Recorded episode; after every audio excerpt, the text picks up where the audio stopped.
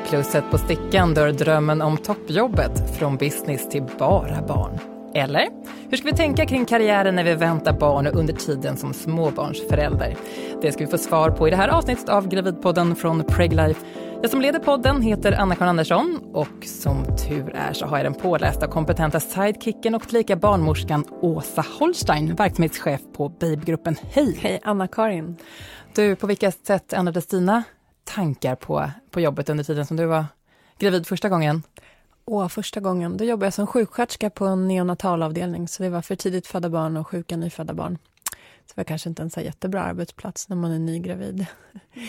Jag blev ganska snabbt ointresserad av att jobba. Mm. Mm. Mm. Jag tappade liksom eh, fokus ganska snabbt, på, eller tappade intresset för mitt arbete. Ja. Om man får säga så. Nej, jag tyckte liksom det var så mycket annat. Jag skulle ju bli mamma. Hade inte riktigt eh, tid att jobba. Och du gick in för det?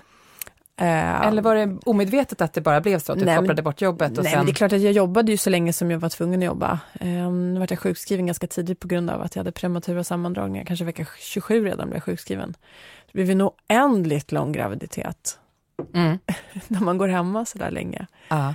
Men nej, men karriär eh, när jag har varit gravid har inte alls varit eh, viktigt för mig. Nej. Det har Men det blivit blev- viktigt för mig efter jag fått barn. Då Just har jag tyckt att det var viktigt. Och då ska vi säga att du har tre barn hemma, så att det är en... Så en... det var några år där, där inte karriär var jätteviktigt. Det ska jag inte säga, för jag läste faktiskt till barnmorska under tiden.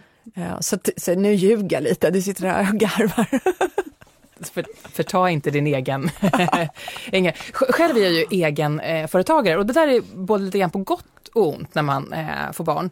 Eh, alltså, det kanske inte ändrar tankarna så mycket för att du inte har den här kontakten med en arbetsgivare. Du behöver inte göra ett tydligt eh, avslut. Men, men det blir också eh, lite grann, alltså ärlighetens namn så har ju barn ammats över ett tangentbord. Just det, Det blir lite man, svårare att separera eh, arbete och föräldraledigheten då, tänker Ja, du? Eller? precis. Ja. På det mesta gott måste jag säga. Men Ja. som sagt, eh, jag, jag kunde aldrig riktigt tillåta mig att gå in i vare sig graviditetsbubblan eller, eller bebisbubblan. Eh, men det är vanligt att det händer en hel del med eh, ens tankar på livet när man eh, blir gravid.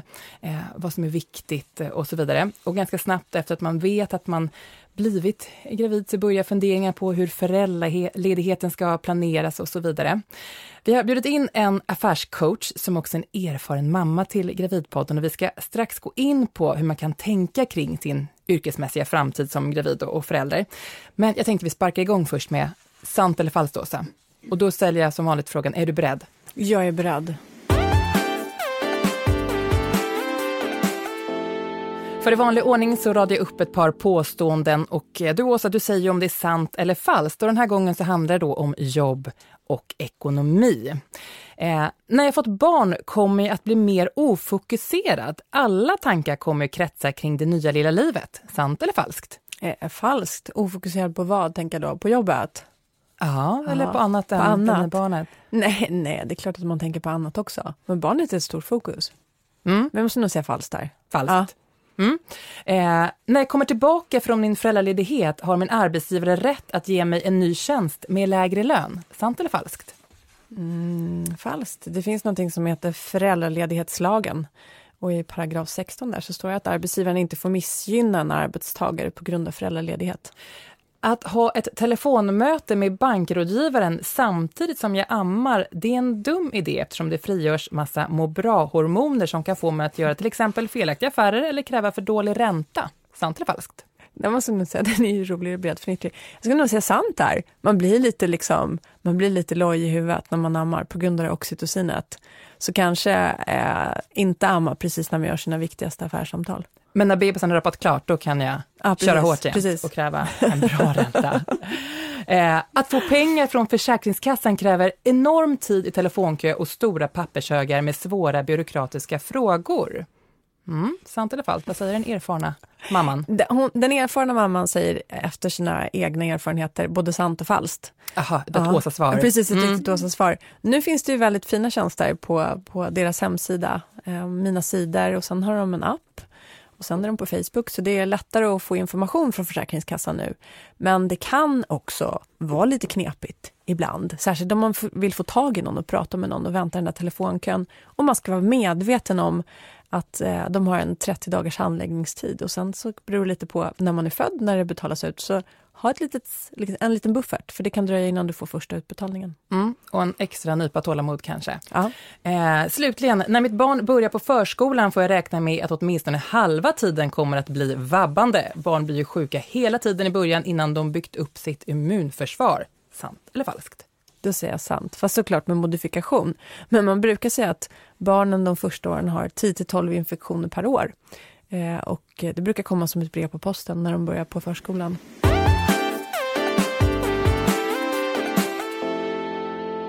Välkommen till Gravidpodden säger jag nu till Karin Måwe.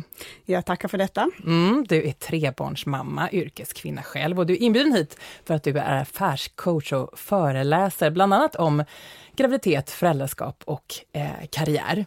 Eh, om vi börjar med själva graviditeten, eh, vad kan hända med ens tankar eh, när man är gravid?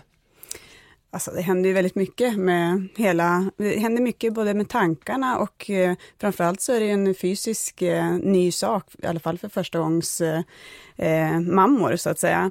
Men eh, om man tittar på yrkeslivet så är ju den stora, tror jag, eh, svårigheten kanske att man börjar tro att man blir borträknad på arbetsplatsen. Det är en stor myt. Eller det är en stor, det kan vara en sanning, det kan vara en myt, men man kan lika gärna också börja räkna bort sig själv. Och där ska man vara lite uppmärksam, att man inte eh, gör det eh, omedvetet eller medvetet. Eh, eh, man, man, det blir ju ett större fokus på vad som händer inne i kroppen såklart, så att det, mm. det är naturligt. Men, men att, att, att, bli eh, eh, gravid, det är ju fantastiskt och efterlängtat besked för många. Kan man, kan man vänta barn och samtidigt bry sig om sitt jobb och den framtida karriären?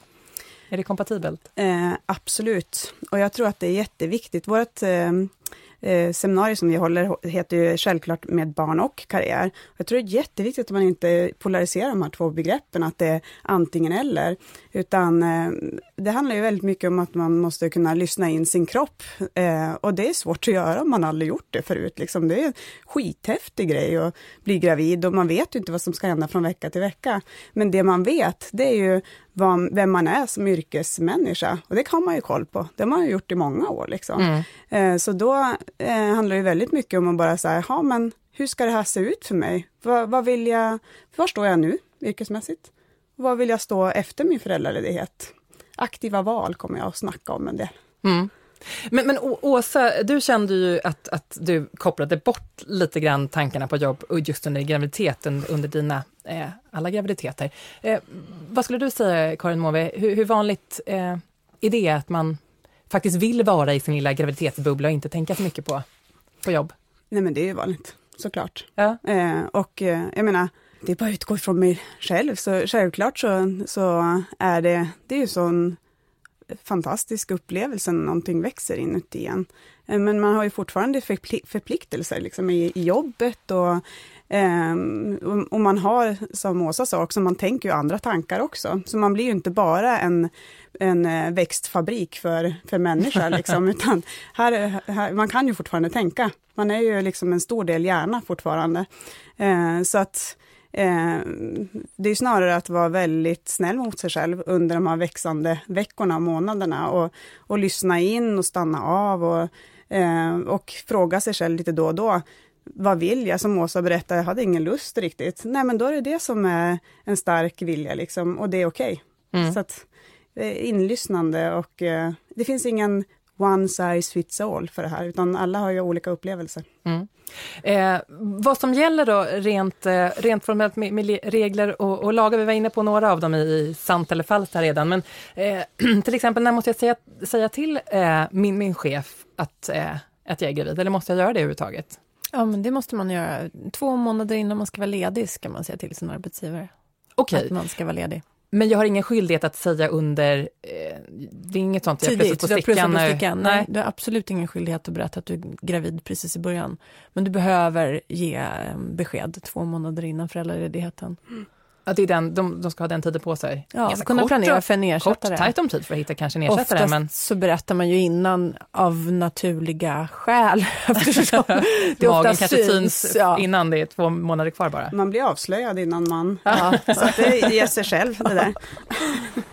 Eh, ska man vara på sin vakt på något sätt? Då? Det här med att eh, ändra arbetsuppgifterna eller eh, hur man ska tänka kring det. Under graviditeten tänker jag då.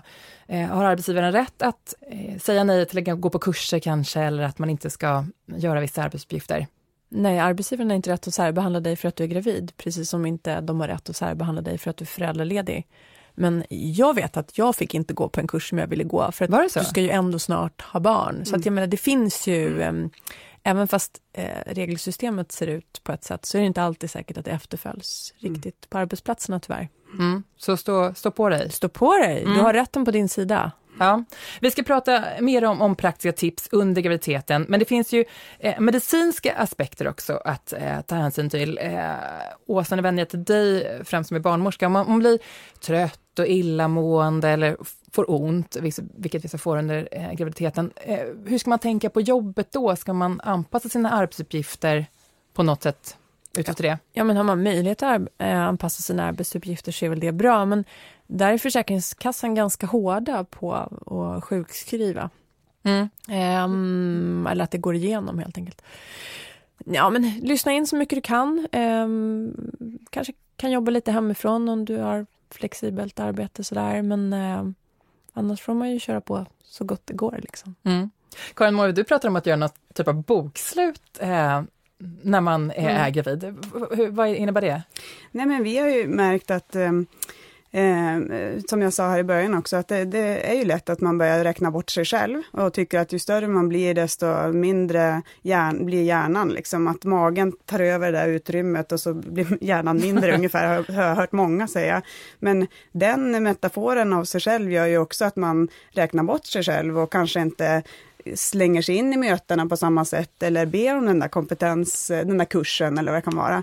Och där, det här bokslut då, som vi pratar om handlar ju väldigt mycket om att sätta sig ner med eh, den gravida kvinnan och för den delen också kanske en man då som ska gå på föräldraledighet in, när de fortfarande är yrkesverksamma. Och eh, Säga. Med sin chef då, tänker du? Ja, men, eller? eller med en coach. Det är ju det vi förespråkar på Stiliana också. Eh, att eh, man sätter sig ner och säger så här, ja, nu står du här, du är eh, gravid i fjärde månaden, säger vi. Eh, och eh, var står du nu yrkesmässigt? Eh, ja, men jag det här tycker jag är kul just nu och jag gillar den här positionen och jag ser kanske, nu hittar jag på här, jag ser fram emot att bli chef inom två år, säg. Eh, bra, då skriver man ner det här och formulerar ett mål kring var du står just nu och liksom en avstamp, ett bokslut var du var. Och sen så handlar den här tjänsten också om att man då följer upp den gravida kvinnan eller mannen då mitt i det här föräldraskapet, föräldraledigheten och stämmer av. Hur, var är du nu? Hur, är det här relevant fortfarande som du skrev här i, eh, för fyra månader sedan? Säg. Eh, och då märker vi också att det händer ju skitmycket med vem man blir när man får sitt första barn.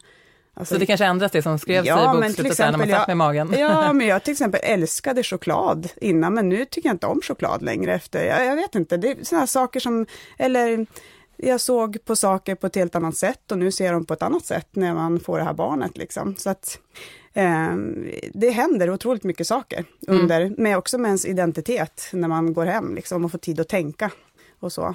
Men, eh, och sen det här bokslutet följs upp då direkt in på att man ska gå tillbaka till sitt jobb. Eh, och då kollar man, ha, vad är det som är relevant just nu? Och vad är ditt mål just nu med att komma tillbaka? Så att man förbereder den här personen att gå ut igen, för annars brukar det bli ganska lång startsträcka när man bara känner sig totalt förvirrad och undrar var man ska, eh, varför man inte får byta blöjor just idag. Så alltså, bokslutet är en hjälp att, att, att påbörja där man slutade ah. någonstans, att, att, att ha någonting att ta avstamp ifrån när man kommer tillbaka till yrkeslivet. Precis. Mm. Eh, det är mycket planering rent generellt med att få barn. Eh, hur ska man tänka på hemmaplan kring hur man ska dela upp föräldraledigheten och andra ekonomiska aspekter. Vad, vad, vad, tittar du om Karin? Ja, men jag tycker det är jätteviktigt att man, och det har också med det här bokslutet att göra, att man tittar på, på sitt karriärsliv på längre sikt. Alltså, hur ska min pension se ut? Eh, hur, hur mycket ska jag vara föräldraledig? Om man då har, eh, jag tycker det är jätteviktigt att man pratar med sin partner om det här. Hur ska det se ut? Liksom, om jag är hemma åtta månader och min partner två, så är det klart att eh, vi har en ekonomisk, eller jag tycker man ska ha ett ekonomiskt avtal. Ja, men då får jag lite av din pension sen när vi blir 65, för jag gjorde ett jobb hemma som vi delade upp det på det sättet. Liksom. Eh, så att, eh, det tycker jag är viktigt, att man inte ser det som att ja, nu försvinner jag från jordens yta ett år och så eh, är det slut med mitt karriärsliv ungefär. Mm. Du ska jobba i 40 år till. Liksom. Mm, fram med förhandlingspapperna vid frukosten.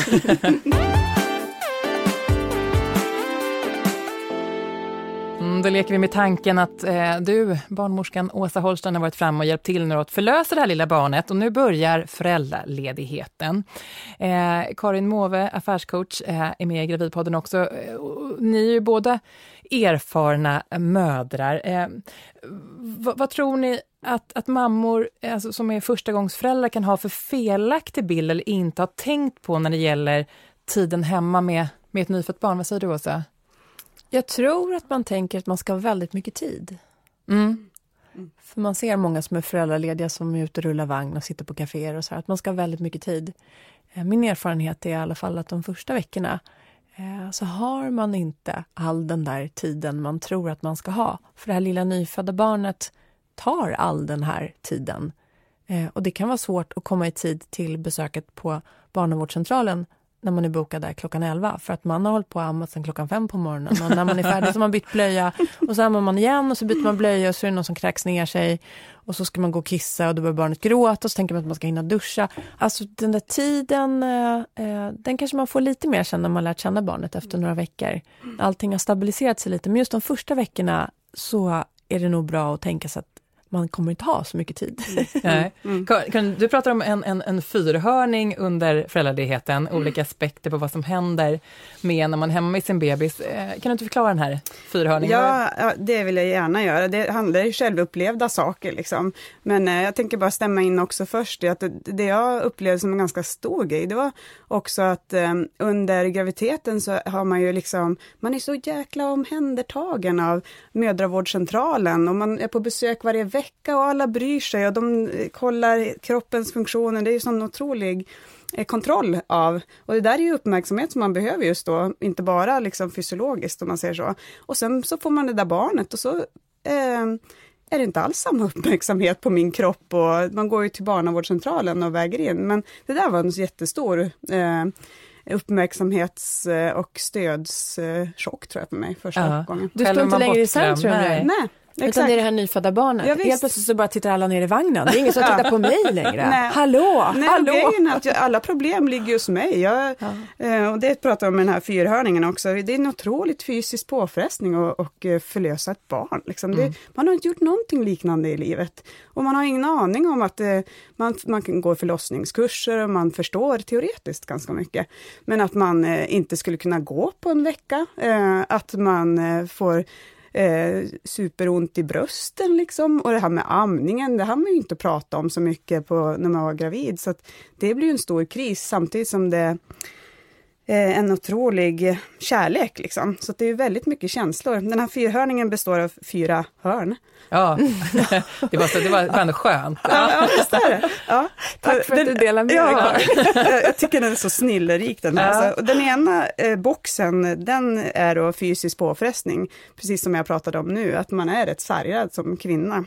Eh, och man ska också föda det här barnet. Liksom. Den måste ju ha mat, annars så blir det inget bra. Liksom, mm. Det är det som är hela fokus, att man väger in den där bebisen och tittar på grammen. Liksom.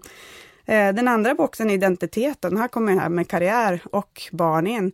Alltså hittills så har man ju varit, för min del var jag väldigt liksom, tydlig i min karriär, karriärskvinnan Karin. Liksom. Jag visste vem jag var och det där kunde jag jättebra. Och jag hade mina nätverk och hade en plats i yrkeslivet och så vidare.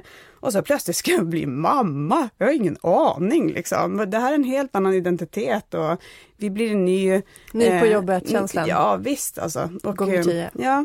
Och så tillsammans då med den här tredje boxen som är isoleringen, för du pratade om några veckor där eh, som en fas när man inte har någon tid alls och det är svårt att ta sig till ett möte. Jag pratar lite grann om tre månader som och isolering och tre månader låter lite eh, starkt, men Ja, isolering låter starkt. Ja, precis. Mm. Vad jag vill säga med det är mer att man, man är ju hemma ganska mycket den första tiden och man lär sig det här med, äh, med en liten ny människa. Man lär sig amning, man lär sig eh, hur, man, hur den här barnet fungerar och vad den här lilla människan vill ha och lyssna på signaler och så vidare. Och sen är man inte i fikarummet på sin yrkesplats längre. Man går inte på luncher på det sättet i början. Så det blir en lite isolering. Man ser mycket mer av sitt vackra hem kanske än vad man ser eh, någonting annat. Mm, som kanske inte alltid är jättevackert heller när man är Nej, hemma sådär och rätt trött. Ja. ja. och den tredje boxen handlar om kärlek, för trots att det är en, eh, vad ska man säga, eh, en stor eh, omvälvande händelse såklart, så är det ju så mycket kärlek. Man är ju, det är helt fantastiskt att få ett barn. Mm. Alltså, det, är, det finns inget mer stort i livet än att få sitt första barn. Och andra och tredje, ska jag säga. Men det är ju jättehäftigt. Och kärleken också till sin man. Liksom. Som, och där, i den boxen handlar det också om så här, var, eh, fundera på relationen. Alltså de, eh, mannens roll, tycker jag, de där första tre månaderna handlar om att de ska finnas i närheten och serva mamman och barnet så mycket som möjligt på ett kärleksfullt sätt. Det, då är de till bäst hjälp egentligen. Mm. Det kan, prata lite, det kan låta lite fyrkantigt då, för att använda den här fyrhörningen, att prata om den första tiden och föräldraledigheten eh, så här. Eh, vi ska därför lyfta fram också fördelarna, det kan vara fördelar med den här fyrhörningen också, men, men att bli eh, förälder. För, för du brukar också, Karin, säga att, att, eh, att att bli förälder, det är som livets bästa kompetensutvecklingskurs. Jag säger till och med mm. livets bästa ledarskapsutveckling. Liksom. Det är en ledarskapskurs. Ja. ja. Ja. och hur kommer det sig då? ja, men eh, under den här perioden, jag, jag vill ju till och med, tänk vad underbart det skulle vara om alla skrev föräldraledigheten på sin CV. Har du med det på din CV, Åsa? Nej, men jag kanske har det efter det här. Ja, ja. Mm, varför ska jag med det då? Jo, för att eh, under den här perioden, oavsett hur lång, hur man väljer och hur länge man är hemma, eh, så utvecklar man färdigheter. Som exempelvis uthållighet. Kan ni känna igen er i det? Mm. Tålamod. Ja, ja. Prioritering. Eller inte tålamod. ja, men du får träna dig i tålamods... Absolut. Eh, hålla många bollar i luften är en annan sak. Eh, stresshantering. Eh, argumentationsteknik, det kommer lite senare när barnen blir lite äldre då. Vad som också händer är att du får en eh, känslomässig mognad. Om ni tänker att man har ägnat all sin tid åt sig själv innan det här barnet och gud vad mycket problem man kunde ha och älta saker och, och fokusera på sin, på sin egen person. Men nu plötsligt så hjälper det här barnet en att få lite distans till sig själv. Mm. Vilket jag tycker är rätt skönt faktiskt. Alltså man, blir, man blir bättre på att se andras behov. Helt mm. enkelt. Kan du känna igen det? Så du sa att du inte brydde dig så mycket om jobbet när du var gravid, men att du tyckte det var kul sen. Eh, när, de blir lite större? Absolut. Det, jag tycker att det är en jättebra eh, ledarskapsutbildning. Mm. Eller det är en bra eh, utbildning i personlig utveckling överhuvudtaget. Mm. Du får ett helt annat perspektiv när du har fått barn. Eh, jag upplevde att jag blev mycket mer... Eh, jag har ju pluggat utan barn till sjuksköterska och med barn till barnmorska. Och jag var så enormt effektiv med den lilla tiden jag hade när jag pluggade till barnmorska. Man blir tidseffektiv, eh, man blir mycket rationellare, mycket bättre på att prioritera och verkligen se vad, vad är det som är viktigt här och vad är inte viktigt. Ja, enormt mycket mm. Mm. fördelar av att bli förälder mm. yrkesmässigt. Jag hade till och med en kollega en manlig kollega som sa efter jag kom tillbaka från mitt första barn att Gud vad jag är nöjd att jag får jobba med dig. För det finns inget mer effektivt än en ny tillbaka kommen mamma eller pappa. Det går så fort och ja. det är inget eh, bullshit liksom. Det är inget, eh, eh vi sitter inte och fikar bort Nej. tiden utan här Cut händer saker. Ja. Mm. Så blir det ju. Mm. Man har så lite tid. Man ska hämta på dagis, lämna på dagis, handla maten, fixa allt det där och mm. ändå få mycket gjort. Mm. Om jag vill till och med fundera framåt då under föräldraledigheten eh, och, och, och, ta kanske ytterligare ett kliv när jag kommer tillbaka. Man, man har tid att, att, att fundera lite på, på karriären. Eh, då ska man konkretisera sina mål, mm. i tips från dig. Hur, hur tänker du då? Ja, men eh, man ska ju ställa sig frågan, vad är det som är viktigt för mig? För mitt i det här föräldraskapet, då man eh, byter de här blöjorna och då man går de här barnvagnspromenaderna, det är ju väldigt mycket tid som vi så förmånligt har fått i Sverige. Det är inte så väldigt många andra länder i världen som har så här lång föräldraledighet som vi har. Så att jag menar på att man kan ju förvalta den här på ett bra sätt. Man ska i alla fall eh, det viktigaste, bottom line, är att man mår bra. Och eh, då får man ju fråga sig själv, vad mår jag bra av? Är det av att träna? Är det av att eh, eh, ägna mig åt någon slags förkovran kanske på något ämne som jag tycker är intressant. Eh, är, har jag något mål som jag tycker, till exempelvis mig själv, jag trodde att jag skulle bli kläddesigner en gång i tiden. Eh, och så tänkte jag då under föräldraledigheten, då skulle jag vara hemma nio månader, kommer inte ihåg vilket barn det var, kanske var andra då. Ni har så många barn. Alltså många barn. Men, eh, och då så hittade jag ju Tillskärakademin och en kurs i eh, modedesign, teckning alltså, som jag gick eh, varje vecka. Eh, och satte ett mål kring det och så vidare. Och gjorde någonting som, och då kom jag ifrån hemmet. Jag kom från disken och eh, fick vara lite kreativ. Och det berikade ju mig som mamma. Då kom jag tillbaka och var full av energi och glad.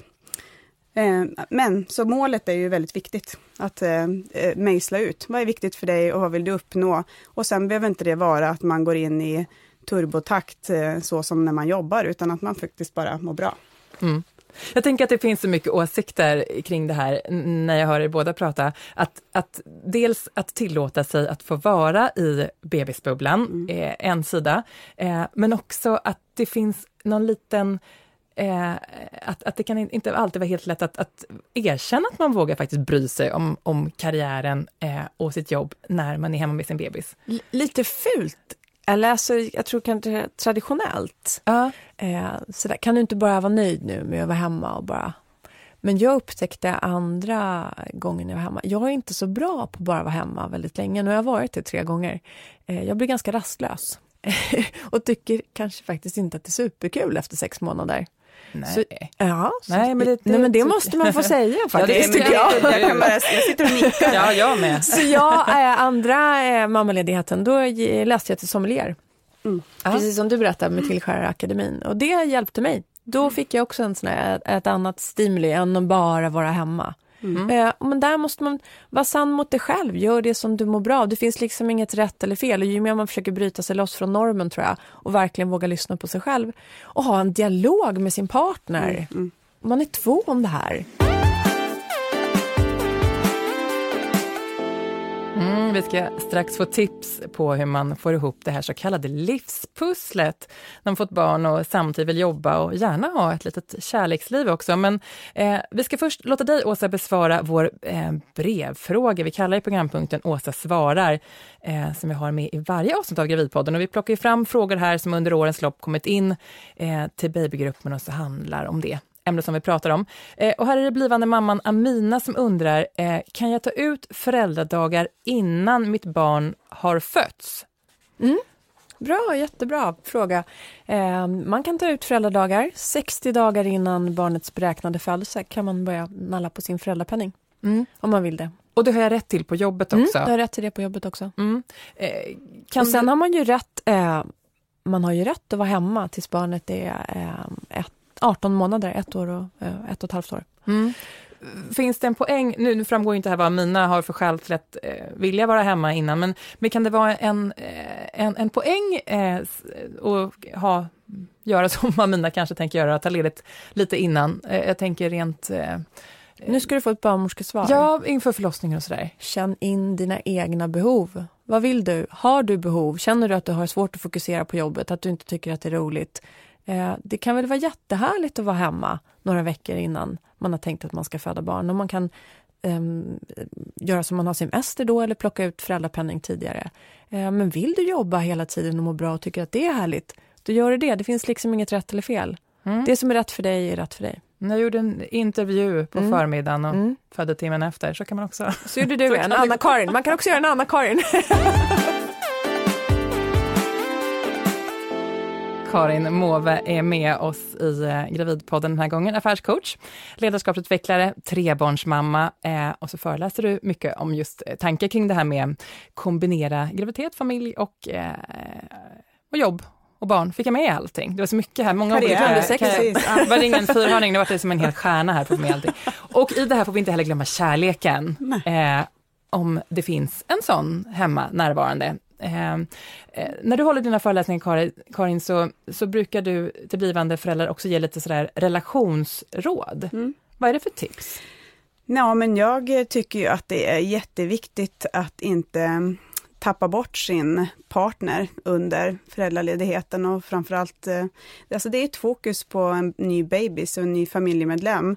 Men eh, det är också jätteviktigt att eh, prata med sin partner om hur, både inför, eh, så som ett bokslut egentligen för arbetslivet också, men inför eh, eh, att barnet kommer, sätta sig ner med sin partner och säga hur, hur ska vi göra? Hur delar vi på föräldraledigheten? Vad blir våra roller rent praktiskt? Liksom? Vad, vad, vad tycker du om mer att göra hemma än jag? Eh, jag förmodar att det kommer att bli mycket sitta och amma och vi, vi vet ju inte, vi får väl ta det som det kommer. Liksom. Men att man alltså försöker sätta sig ner och eh, komma till en, en praktisk, ett kontrakt, låter skittrist. Men, ja, det men låter vi, inte jätteromantiskt, nej, men nyttigt. Men jag menar på att romantiken kommer om man har löst det här praktiska, för det praktiska är det mest vanliga trätoämnet. Det är det man börjar grä, gräla över när man är trött och knappt har sovit en blund en natt. Och då gäller det bara att vara varsam och eh, eh, se varandra eh, på ett bra sätt. Liksom. Och det kan man ju, till, till en början så handlar det väldigt mycket om att bara finnas till hands för en man. Eh, för kvinnans upplevelse är ju stor, liksom. det är väldigt mycket hormoner, det är väldigt fysiskt och påtagligt, så att man kan inte vara en eh, superpartner också, utan man är väldigt mycket mamma i början. Men man måste hitta tid för, för varandra när, det, när man känner sig mogen för det. Man måste ut ur huset tror jag och eh, göra någonting bara eh, vi två, så jag och min partner. Och, eh, se varandra och, och säga hej, är du kär i mig? Eh, eller hej, tycker du att jag är attraktiv? Alltså på den nivån ja. brukar jag prata om. Mm. Och att ge den här typen av, av eh, du nickar ja, men jag tycker att det är så bra. Jag tycker att det kontraktet är bra. Alltså så här är det, när man får barn så är det väldigt lätt, även fast man upplevt att man har levt i en jämställd relation, så är det väldigt, väldigt lätt att hamna i, i de här traditionella könsrollerna. Eh, ju mer man pratar om det, desto bättre är det. Och som min gamla käpphäst, ju mer man delar på ansvaret, desto mer får man ligga. Mm. Ja. Exakt så. Ja.